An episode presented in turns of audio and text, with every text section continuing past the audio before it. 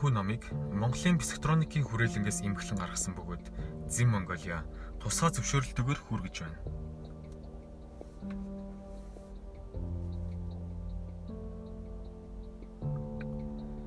Долдугаар бүлэг Георги Гүржиев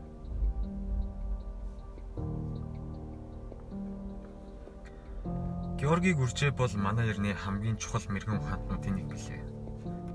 Тэрээр маш олон талаараа онцгорсон хүн. Түүний онол сургаал нэн өвөрмөц бөгөөд манай эрэнд түүнтэй адил арга барил, үг хэллэг ашигласан хүн огт үгүй.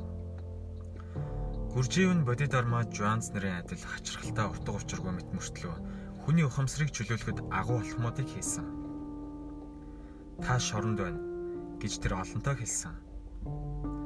Заримдаа тэр бодит байдлыг илүү гүн тодорхойлон та шоронд байна гэхийн оронд та өөрөө шорон гэдэг.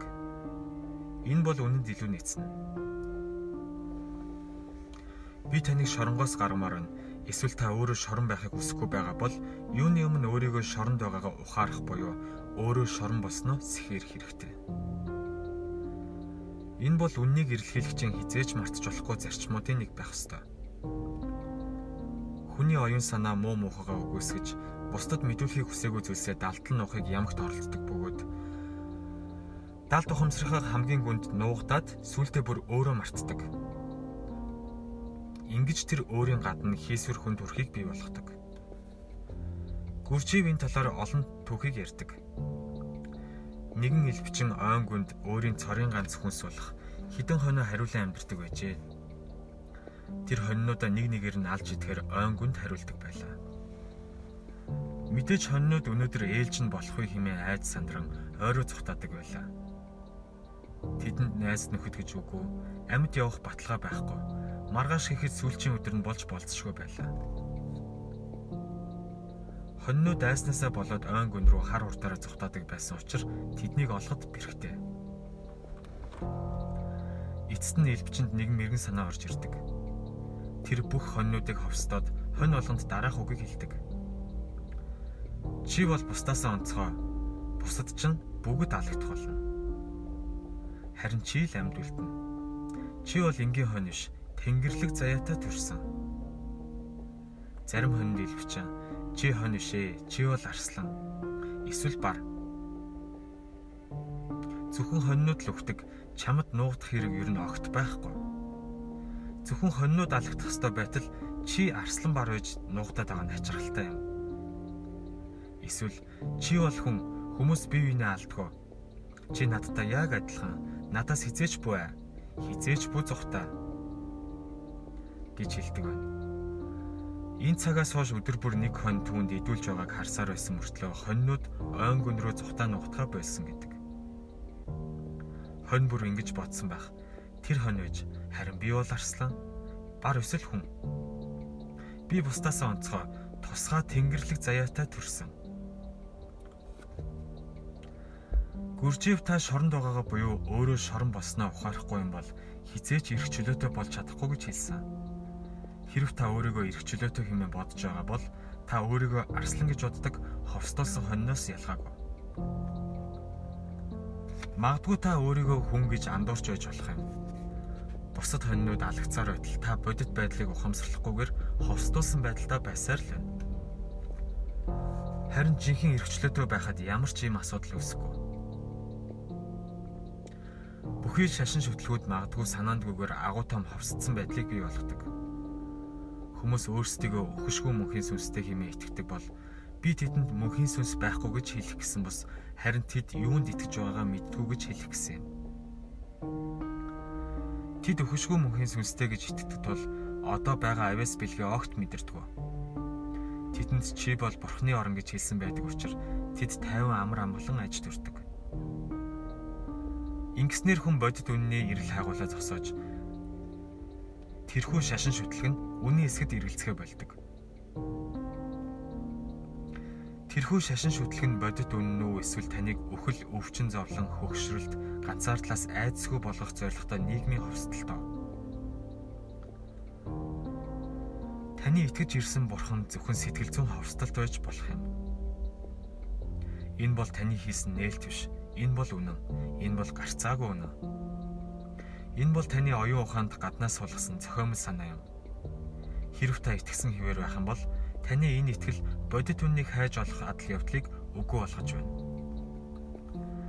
Ер нь бол та итгэхгүй бол хизээж олохгүй гэж үргэлж боддог. Харин бодит үнэн тис өөр байдаг. Итгэл бишрэл гүүр бус харин саад юм. Итгэж байгаа хүмүүс түүнийг хизээж олохгүй тэдэнд түүний хэрэгч огт байхгүй. Хэрв та шоронгоо өөрийнхөө гэр химээ итгэж байгаа бол түүнээсээ салахыг огт хүсэхгүй байх. Таныг хорин хашиж уу тэр хан хэрэм таныг хамгаалж байна гэж та бодож байгаа.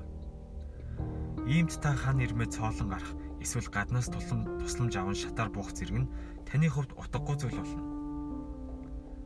Та өөрийнхөө шоронд байгааг ухаараагүй цагт гаднаас танд олс шидэж шат тавиад огт нэмэргүй байх болов уу?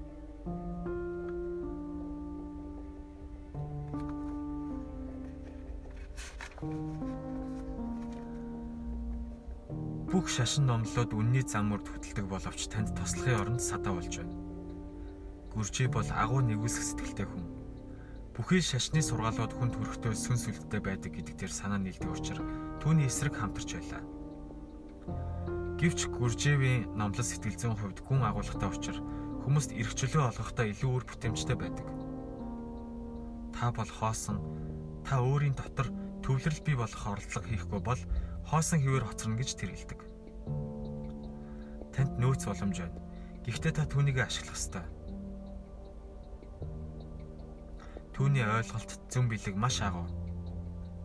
Харин гүрживээс хойш хүмүүс түүнийг бүрэн мартсан. Тэрээр хэдэн 10 жилийн өмнө амьдарч байсан боловч нас бараад удаагүй байхад нь хүмүүс мартчихсан билээ. Тэрээр таныг алмааруулж бүх шашин сургаал үнийн эсхийг олж тогтоох эрэл хайгуулт хөтлөхийн тулд худлаа хэлхээс ч буцахгүй тийм нэгүүлсэх сэтгэлтэй байсан. Түүний хамгийн ихний номлол нь та өөрийгөө шоронд байгаа гэдгээ ойлгох явдал. Хэрв та үнийг ойлгосон бол танд сэхэрлийн үр нахилсан байна. Одоо түүнийг суулгах зөв газрыг олох хэрэгтэй. Үүнийг танаас өөр хэн ч хийж чадахгүй Хэрв лам хувраг санаартнуудад итгэх юм бол амьдралаас олдсон энэхүү агуу боломжоо эргэлт буцалтгүй гээх болно. Дахин ийм боломж гарах эсэхийг ч хинж мэдэхгүй. Хэрв та энэ боломжоо алдах юм бол дахин ийм боломж хизээч гарахгүй гэдгийг хүнд сайн ойлгох хэрэгтэй байдаг. Гүржээвийг 9 настай байхад аав нь нас уржээ. Түүний эцэг ядуу боловч лут мэдлэгтэй өндөр ухамсартай хүн байлаа. Эцэг нь гүржээвийг дуудаад сонс хүмүн. Чи миний хэлэх зүйлийг одоо ойлгохгүй ч гэсэн тогтоож ав. Тун одохгүй чи миний хэлсэн үгийг ойлгож ухаарад дагаж мөрдөн. Нэгэнт мөрдөж эхэлсэн хойно харин хизээч мартахгүй. Надад мөнгө, байшин, газар гэд хураасан хогшил огт алга. Харин түүний оронд чамд найз нөхдөө үлдээж байна. Надад үүнээс өөр чамд өгөх үнэт зүйл байхгүй гэдгийг санаж яваарай намайг анхааралтай сонсгээд бүхий л амьдралынхаа туршлагыг хүүдээ ярьж өгдөг. 9 настай хүү эцэгтэй ойртоход тэрээр ийн хэлдэг. Энэ бол маш энгийн зүйл. Хэрв хин нэгэн чамайг доромжлох юм бол түүнийг анхааралтай сайн сонсоод үр дагаврыг нь тунгаан бодоорой. Тэгээд тэр хүнд та надад ийм их анхаарал хандуулж байгаад би их баярлж байна. Би яг 24 цагийн дараа ирээд танд хариу барья Миний эцэг зөвхөн 24 цагийн дараа хариу хэлж бай гэж тушаасан учраас надад өөр ямар ч сонголт алга гэж хэлж байгаараа. Гүржээг хөгшөрсөн хойноо шавнартаа энэ энгийн дүрм амьдрал минь асар их хэрэг болсон. 24 цагийн дараа хэн уур уцаартаа хийвэр үлдэх билээ? 24 цаг бодож тунгаасны эцэст хүн нэг бол өөрийн зөв байсан эсвэл буруу байсны алин болохыг ухаардаг. Тэгээд альж тохиолдолд уцаарлах шаардлага гарахгүй. Хэрв таны буруу байсан бол та өөрийгөө өөрчлөх хэрэгтэй. Харин тэр хүний буруу бол танд огт хамаагүй бөгөөд энэ бол таны бус харин тэр хүний л асуудал. Бүрэн сэхэрсэн хүнийг юу ч бухимдуулж чадахгүй. Бүхий л нөхцөл байдалд тэр тогтвортой байдлаа хадгалж чаддаг. Тэр ямар нэгэн шүүлт тунгаалт хийдгүү бөгөөд яг толны тусгал мэт бүхнийг байгаагаар нь хүлээн авдаг. Түүний хариу үйлдэл өнгөрсөн үеэс үүдэлтэй бус харин яг одоогийн ухамсарт төлөвөөс үүсдэг. Өнгөрсөн үеийн туршлага бүр таныг гав гинж мэт багалдаг номтой. Гүржив шавнартай зөвхөн нэг л юмыг заадаг бөгөөд тэр нь өөрийгөө юутай ч зөөрлөн адилтахгүй байх явдал юм. Түүний бүхэл сургаал заах арга барил, сургалтын нөхцөл байдал зэрэг нь нэг л зүйл дээр үндэслэдэг бөгөөд тэр нь өөрийгөө юутай ч адилтхан зөөрлөхгүй байх тэмүүлэл юм. Таны дотоод мэдрэхүү өөрөө ямар ч үйлдэл хийгээгүй учраас энэхүү өөлөх төлөв байдлын хүндлэнгийн гэрч болж чадна. Хэрв та таны дотоод оршихуй энэ үйлдэлд мөн адил оролцож байна хэмээн бодож байгаа бол харин өөрийгөө тэр үйлдэлтэйгээ адилтан зөвлөж эндүрэлд орж байна. Та дэлхийг бүтэн тойрч аялж болох боловч энэ үед таны дотоод оршихуй нэг ч алхам хийхгүй. Та хэдэн сая төрлийн зөв зөвлөж болохвч болох боловч таны дотоод оршихуй хизээч зүтлэхгүй. Бүхий л хөдөлгөөнүүд танаас гадна таны гадна талд өрнөдөг. Таны хүнд ямар ч хөдөлгөөн байхгүй. Бүх хөдөлгөөн зах хязгааруудад хийгдэж төв нь хөдөлгөөнгүй хийвэр үлддэг. Дугуй илэгдэж, гадаргуу нь хөдөлж байхад гол нь байрандаа л үлддэг.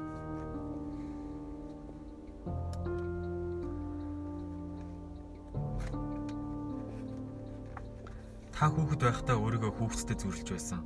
Одоо та хүүхэд хэвээр байна уу? Та өсөж торнолоо Хөгшөрлөө гэхэд энэ бүгдийн аль нь та юм бэ? Та өөрийгөө залуу гэж боддог уу? Эсвэл хөгшин байдалтайгаа адилхан зөвлөдөг үү? Таны дотоод оршихуй толмит байдаг. Танд юу ч тулгарсан дотоод мэдрэхүйдтэй нь тусглаа олж дотоод оршихуйтай нь гэрчин болдог. Өвчин зовлон эсвэл эрүүл сарвал байдал, өлсгөлэн эсвэл цатгалан, зун эсвэл өвөл хүүхэд нас эсвэл өтлөлт гих мэт юу ч болсон бай таны дотоод оршихуй тусглаа болох боловч таны мөн чанар оршихуй өөрөө хизээч өөрчлөгдөхгүй. Энэ бол үйл адилтгах байдал бөгөөд та ингэснээр адилтгах байдлыг үндсээр нь тасалж өөрөө тол болно.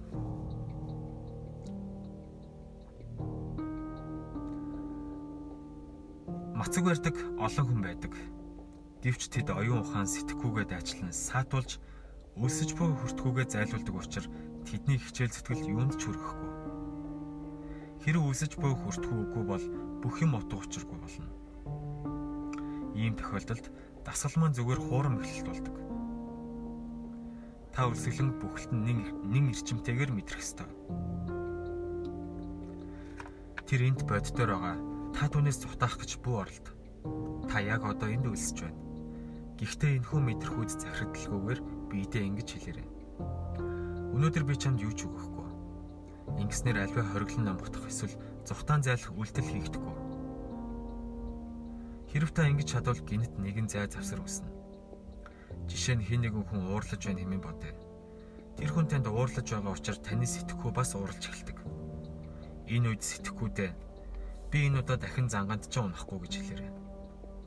Та түнд үл автан хүндий байна уу? уур хилэн таны сэтгхүүг эзэмдэж байг. Гэхдээ та түүнээс хол хөндөө байна. Та түүнтэй өөрийгөө адилхан зүрлэхгүй, та түүнтэй хамтран ажиллахгүй. Таны уур хилэн хаа тэртээ хол нэгэн газар байгаа. Уур хилэн таныг тойрон хүрээлж байгаа боловч таны дотор нэвтэрч чадахгүй. Тэр бол зөвхөн таныг хүрээлэн бүчиж буй. Та эргэлтэн тойрч таны гарч ирээд түүнтэй хамтран ажиллах байх гэж найдан хүлээж байгаа. Та дур хүсэлтэд автах олон сорилтонд орно. Энэхүү дур хүслийн цаад утга учир яг юу юм бэ? Таныг буруу зам руу хөтлөн оруулах гэж оролдож буй чөтгөр шулам гэж огт байдгүй. Үүний оронд харин таны сэтгэхүй амьдрах болон бие авч явах хамгийн хэлбэр хэв маяг буюу таныг татах гэж оролддог байна. Та биеийнхээ амар тайван байдлыг эрэлхийлэх нь дур хүсэлтэд автаж юун гол илрэл бөгөөд ингэснээр жинхнээсээ чөтгөр шулам дилдэж байна гэсэн үг. Сэтгэхүйтэй нь уурлаач гэж таныг ятгана. Уурлах нөхцөл байдал үүссэн байна. Би сэтгэхүй хоёр уурлах үйлдэлийг гүйцэтгэхэд ямагт бэлэн байна. Та ийм нөхцөл байдалд өмнө дандаа уурлаж байсан шүү дээ гэдэг мэдээллийг таны сэтгэхүй танд өгнө. Уг нь энэ бол буруу үйлдэл биш бөгөөд таны сэтгэхүй биеигт нь өмнө хийж байсан хариу үйлдэлийг гүйцэтгэхэд бэлэн болгодог.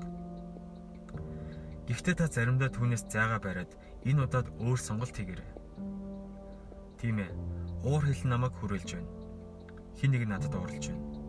Сэтгэхүй маань намайг хуучин хөвшмөл хариу үйлдэлээ хийхэд бэлдэж байна. Гэхдээ энэ удаа би түүний үгэнд орохгүй.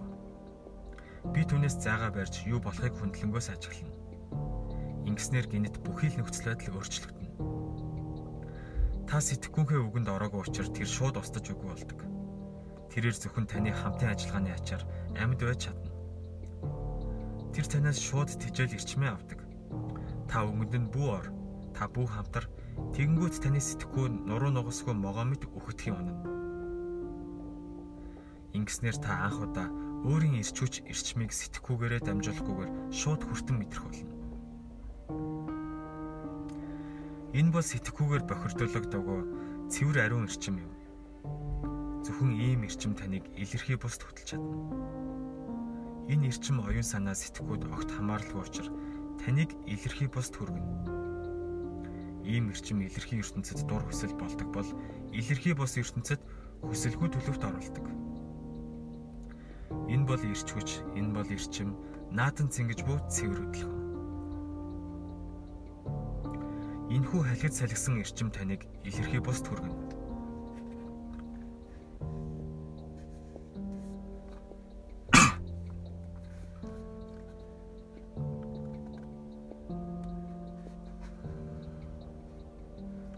Гүржээв нийт 3 ном бичснээс зөвхөн нэг нь нийтлэгдсэн бөгөөд түүний бичих арга барил хард арсан зүуд мэд ярихтай. Надтай адил солиотой биш бол өөр хүн таны All and Everything номыг уншихгүй байх гэж би боддог. Уучлаарай. Энэ номын нэр бүгд юм бүхэн гэж өгчлөн орчуулагдах бөгөөд жинхнээсээ бүх юмсийн тухай өгүүлдэг. Энэ номонд мянган хуудас хуудас дүүрэн бүх юмсийн тухай өгүүлдэг. Тэрээр номыг нь ямар нэгэн хүн хэлбэрхэн ойлгочих вэ хэмээн санаа зовдөг байсан учраас бичих гэж маш их уджээ. Тэр номоо маш олон жилийн турш бичсэн бөгөөд бичих хэм маяг нь хүртэл бусдаас өвмөц байсан. Тэр байн хүмүүс орж гарч буй Парис хотын кафед суугаад номоо бичдэг. Энэ нь түүний өрмөц арга барил байлаа. Хэрв та гимлаа нуруунд гарч суугаад номоо бичсэн бол өөр хэрэг. Энэ нь та бүрэн ухамсартайгаар зохиолоо бичиж буй баталгаа болохгүй. Та унтаад бичиж болно. Эсвэл мөрөөдөнгөө бичиж болно. Хинч танд саад болохгүй. Харин гүржээ байнга хөгжим хангилсан, бүжиглсэн, зочид орж гарсан, орилж харлсан, хөгжиж баясан төрөл бүрийн Парисын кафед номоо бичсэн. Тэр энэ бүхний донд суугаад бүгд юм бүхэн номоо бичсэн. Энэ бол Гүржээвийн өөрийн сонгосон арга барил. Шавнар нь түнд танд үүнээс илүү газар олдно. Та Парисын захад сайхан эдлэнтэй шүү дээ гэдэг байлаа. Нэрэж тэднийг коммун гайхалтай газар барилж байлаа. Коммун гэдэг нь нэг үзэл бодол бүхий хүмүүсийн бусдаас тусдаа өөрсдийн хэм маягаар нэг дор хамтран амьдрах хэлбэр хэм маяг. Та нам нам гүм газар зохиолоо бичих боломжтой байж өмнө нь хинч ямар ч сүсэг бишрэлийн ном бичиж байгаагүй хүн холгсон Парисын кафед номоо бичих юм хэмээн шавнар нь хэлсээр байтал тэр заавал энэ төвчөнд хэмээн зүрхэлсээр байв. Тэр нэг бүлэг бичээд шавнартаа уншуулдаг заншилтай байжээ. Шавнар нь бүлгийг уншаад ямар сан сэтгэлтэй байгааг маш анхааралтай ажиглаж байлаа. Түүний ном хэр гүн байна, тэдэнд ямар нөлөө үзүүлж байна, өөр ямар ч ном ийм аргаар бичгдээгүй бизээ. Хэрв шавнар нь номын утгыг амархан ойлгож байвал гүрчээ. Хэрв эдгээр тэнгууд уншаад ойлгож байгаа бол энэ номыг хэвлүүлэх хэрэг огт байхгүй хэмээн номоо дахин өөрчилж бичдэг байсан. Тэр бичсэн бүлэг болгоноо уншуулж ажиглан нийт 20-с 30 жилийн турш зогсоо зайгүй бичсэн. Түүний номын бүлгийг уншаад хин нэг нь эвшээх, унтах тоолонд тэр номоо дахин өөрчилж байлаа. Хэрэг хүмүүс уншаад эвшээх эсвэл унтах юм бол энд хинт хэрэгтэй юм бэ? Тэрээр бүлэг бүрийг хэдэн зуун удаа өөрчлөн бичиж байсан ч шавнарын сүлдээ уншаас цогтох болжээ. Тэр ийм хэв маягаар мянган хуудас ном бичснэхээ дараа түүний номын утгыг хүмүүс ойлгох болов хэмээн эргэлзээр байлаа. Ингээд тэр номын хэвлэгчид миний номыг эхний 100 хуудас, сүүлийн 900 хуудас гэж хоёр хуваа. Тэгээд эхний хэсэгт дараах тэмдэглэлийг оруулав. Та номын эхний 100 хуудсыг уншиж байна Хэрв та цаашид унших сонирхолтой байгаа бол дараагийн 900 хуудсыг авч уншина. Эс тэгвэс эхний хэсгийг буцааж өгөөд түүнд төлсөн мөнгөө эргүүлэн авч олно.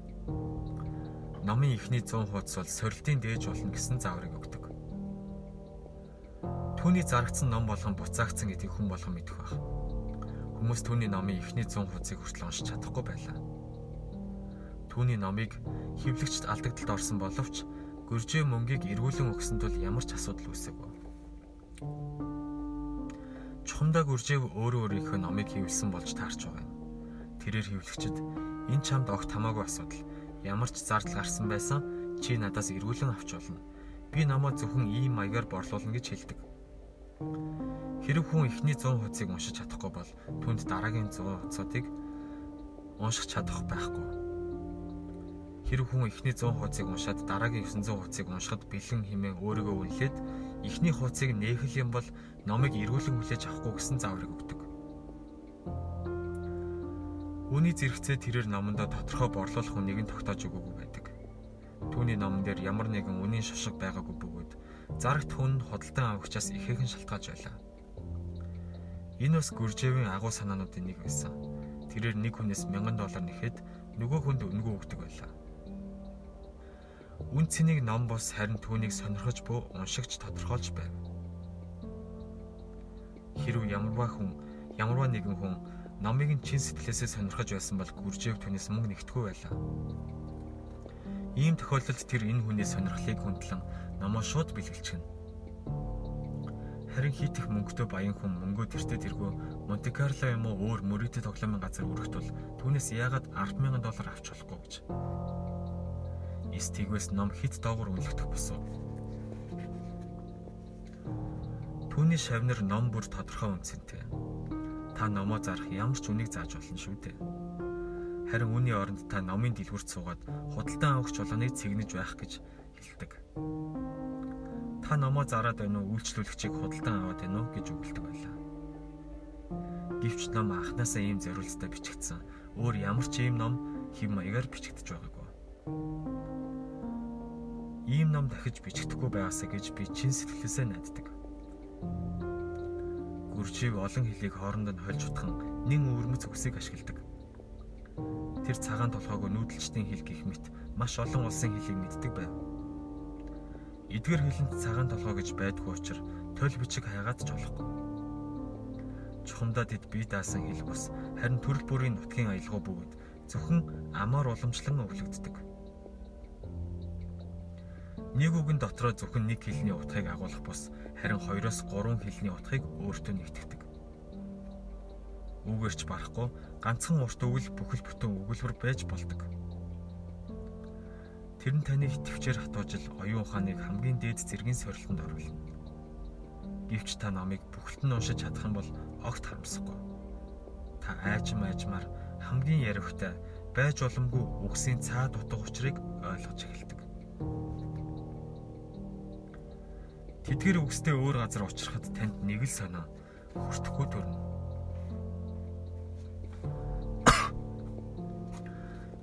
Юу гэдгийг нь үгээр тайлбарлаж чадахгүй авч та боддоор мэдэрнэ. Номыг бүхэлд нь уншаад юуны тухай гэдгийг мэдэх боловч үгээр илэрхийлж бас чадахгүй. Танд зөвхөн энэхүү мэдэж байна гэсэн хүртгүүл үлдэнэ. Гүржээвийн бүхий л хүчин чармайлт таныг оюун ухааны чандад гаргах зорилготой юм. Та оюун ухаанаар энэ номын нэг бүлийг ч ухаарч чадахгүй. Зогс. Энэ бол ямар ч утга учиргүй зүйл байна гэж оюунтанд хэлэх ба энэ ном оюун ухааны хувьд ямагт учир утгагүй хിവэр байх болно.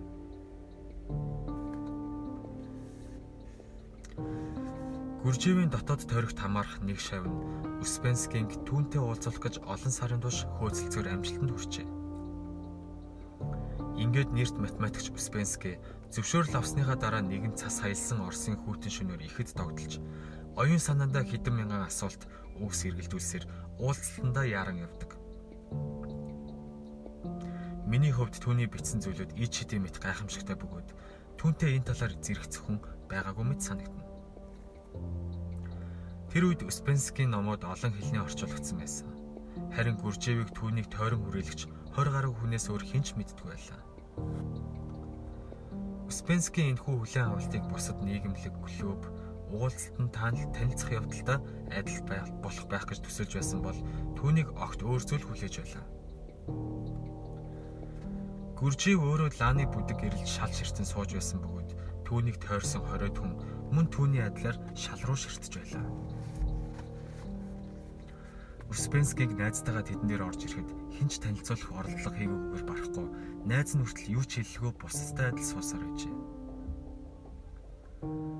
Успенский үүнийг тэдний заншил юм байна гэж хүлээн аваад бас шал руу ширтэн суудаг.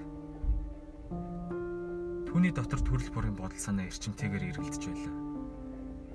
Би энд энд юу н яг юу хийгээд байгаа юм бэ? Уг нь намайг Георги Гүрчевтэй танилцуулах гэж найз минь энд авчирсан юмсан. Тэр лав энэ голдон сууж байгаа нөхөр бах. Харин тэр над руу ганц ч харсангүй. Тэд энэ шалан дээр юугаа ирээд байгаа юм бол тоо. Энд цэвэрхэн шалнаас өөр юу ч алга. Өнгөрч буй минут болгон түүнд хідэн цаг мэт санагдж байлаа. Шүний намган байдал зөвхөн лааны бүдэг гэрэл сүмийн цас будрах чимээ гаднаас орж ирж байхад бусад хүмүүс суусан хэвээр л байлаа. Хагас цаг орчим өнгөрөхөд тэр бараг галзуурхаа шахан. Энд юу болоод байгаа юм бэ? Би энд одоо юугаа хийгээд байгаа юм бэ гэж дотор нь бачууран бодож байлаа. Яг энэ үед гүржэв түүн рүү хараад чи юунд ч битгий санаа зовоо. Тун удахгүй чи бусдын адил тайван сууж чаддаг болно. Тэд бүгд багш нар бус чавнарт шавнартай минь адил яаж суух талаар анх сурч байсан юм.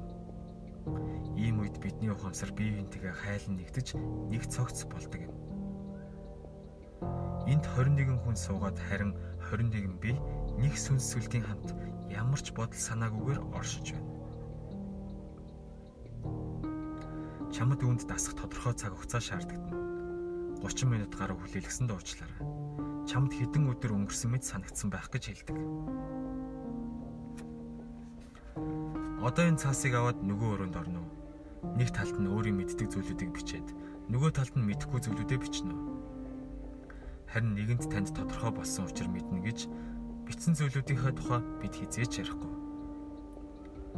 Харин таны мэдэхгүй зүйлүүдийг би танд зааж өгье. Успенский анх удаа өөрийн мэддэг зүйлүүдийн талаар эргцүүлэн бодох шаардлагатай болсон учраас гарын чичрэм тэр цаасыг авдаг. Тэр бурхан, деважин, там, сүнс сүлд хүний сүнсний нүүн шилжих тухай асар их зүйл бичиж байсан боловч тэр энэ бүхнийг жинхнээсээ мэддэг болов. Тэрээр нөгөө өрөөнд ороод цаас харантайгаа бариад суугаад байлаа. Успенский чухам юуг мэддэг болон эс мэддэг талаараа эргцүүлсээр. Уг нь хинч энэ талаар санаагаа ингэж их гашлагдаг. Тэрээр хэдэн минутын дараа юу ч бичээгүй хоосон цаастаа эргэж ирээд би юу ч мэдэхгүй юм байна. Ийм учраас та надад бүхнийг зааж өгнө үү гэдэг. Гүржэв түнд та чин уг нь маш олон ном бичсэн хүн шүү дээ. Би таны номуудыг харсан. Юу ч мэдэхгүй хүн тэднийг яавч бичиж чадхааргүй сайн номууд байсан гэдэг. Успенский Намайг уучлаарай. Би таны ажиллах арга барилыг өмнө нь мэддгүй байсан. Тантай хамт хэдхэн минут өнгөрөөсний дараа би юу ч мэддгүй юм байна гэдгээс сая ухамсарлаа. Ийм учраас би бүхнийг эхнээс нь эхлэмээр байна. Намайг эдгээр номуудыг бичсэнд уучлана уу? Би бурхны талаар юу ч мэдэхгүй учраас эдгээр номуудаа унтаж байхдаа бичсэн байх. Би бурхны талаар маш олон ном уншсан боловч энэ бол мэдлэг биш. Харин би нэг л зүйлийг мэдмээр байна энд яг юу болоод байгаа юм бэ гэдэг. Гүржив төнд бид ингэж дотроо хөндий хулс мод бүтээдэг юм. Энд байгаа бүх хүмүүс дотор нь хоосон болохыг хүлээж суугаа. Хэрв тэдний дотор хоосон бол тэд сургуульд орох эрхтэй болно. Тэд одоохондоо сургуулийн гадна байгаа. Жинхэнэ сургуульд дотор нь явагдах учиртай. Хэрв тэд хоосон болж чадвал миний санаанд нийцэж сургуульд нь хамрагдах болно Бид танд ямар нэгэн зүйл заахгүй харин мэдгэдтэн туслана. Бид тодорхой нөхцөл байдлуудыг бий болгосны ачаар та мэдлэгтэй болно. Барууны хүмүүс шинэлэг заншил хэм маягт их татагддаг боловч тэдний хувьд гүрживтэй цуг байх нь мод болоод байлаа. Тэд түүнтэй уулзахаар ирээд хитгэн өдрийн дараа буцдаг байсан нь түүнтэй цуг байх амаргүй байсантай холбоотой. Гүржив өөрөө их яривтай хүн бөгөөд түүний арга барилуд бас юр бусын хэм маягтай боловч өөрийнх нь номлол сургаалтай маш сайн зохицдог. Таны логик тэр бүхнийг туйлын буруу хэмээн хүлээн авч магадгүй. Жишээ нь гүржив бинетэд чи өнөөдөр огт зогсолтгүй 20 тохоо урт 4 тохоо гүн 2 тохоо өргөн шуудуу ух. Тэгвтээ завсарлага авах, кофе уух, юм идэх хориотой. Чи хаашаач явж болохгүй, би засах газар руу ч явахгүй. Зогсолтгүй ухах ёстой шүү гэжээ. Ингээд бинет өөртөө аль болох хурдан дуусвал надад илүү амар гэж бодоод шаргуу ухаж эхэлдэг. Түүнийг оройхон ажиллаад дуусгахад гүржээв ирээд сайн байна Одоо харин над нөхөө буцаагаад байсан хэвэнд нь оруулж бол. Тэгээд явж болно гэдэг. Үүнд бинет игдвцэн. Ямар тэнэг юм бэ? Хэр өглөө байсан хэвээр нь буцааж болох байсан бол яах гэж намайг ингэж тамалж байгаа юм бол химээ өөрөөсөө асуудаг. Түүний сэтгэхгүй үүнийг огт ойлгохгүй байлаа.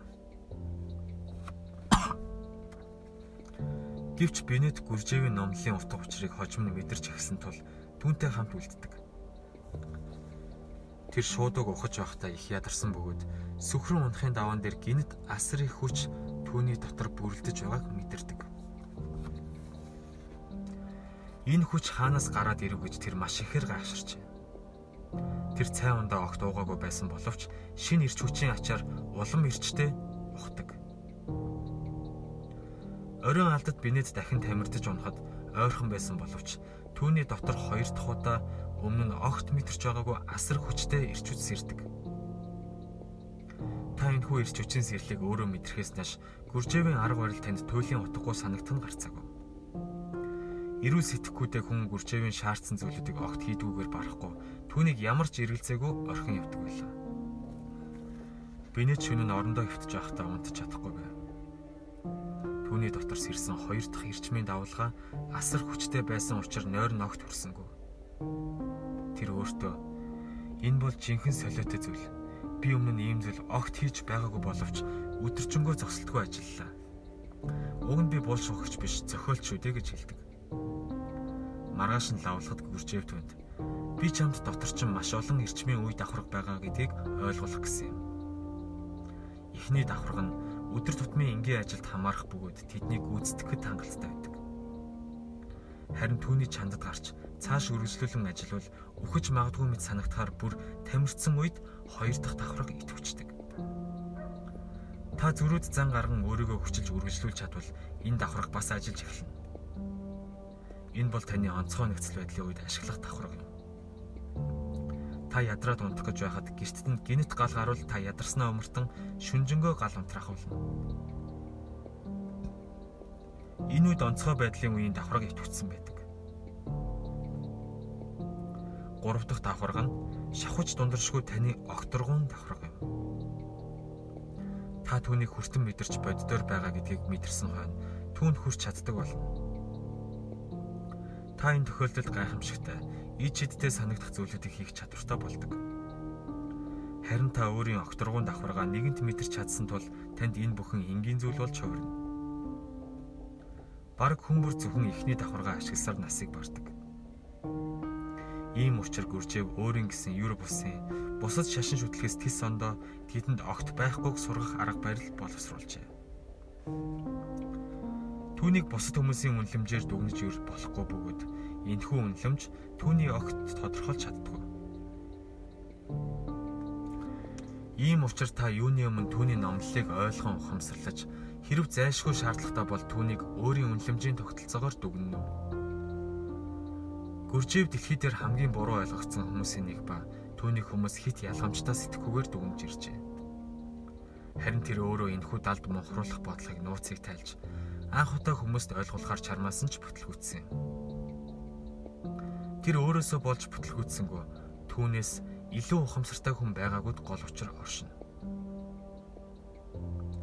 Товчхондоо дэлхий дээр амьдарч буй хүмүүсийн оюун санаа баригдмал гавлын яс нь хит зузаан байсан юм.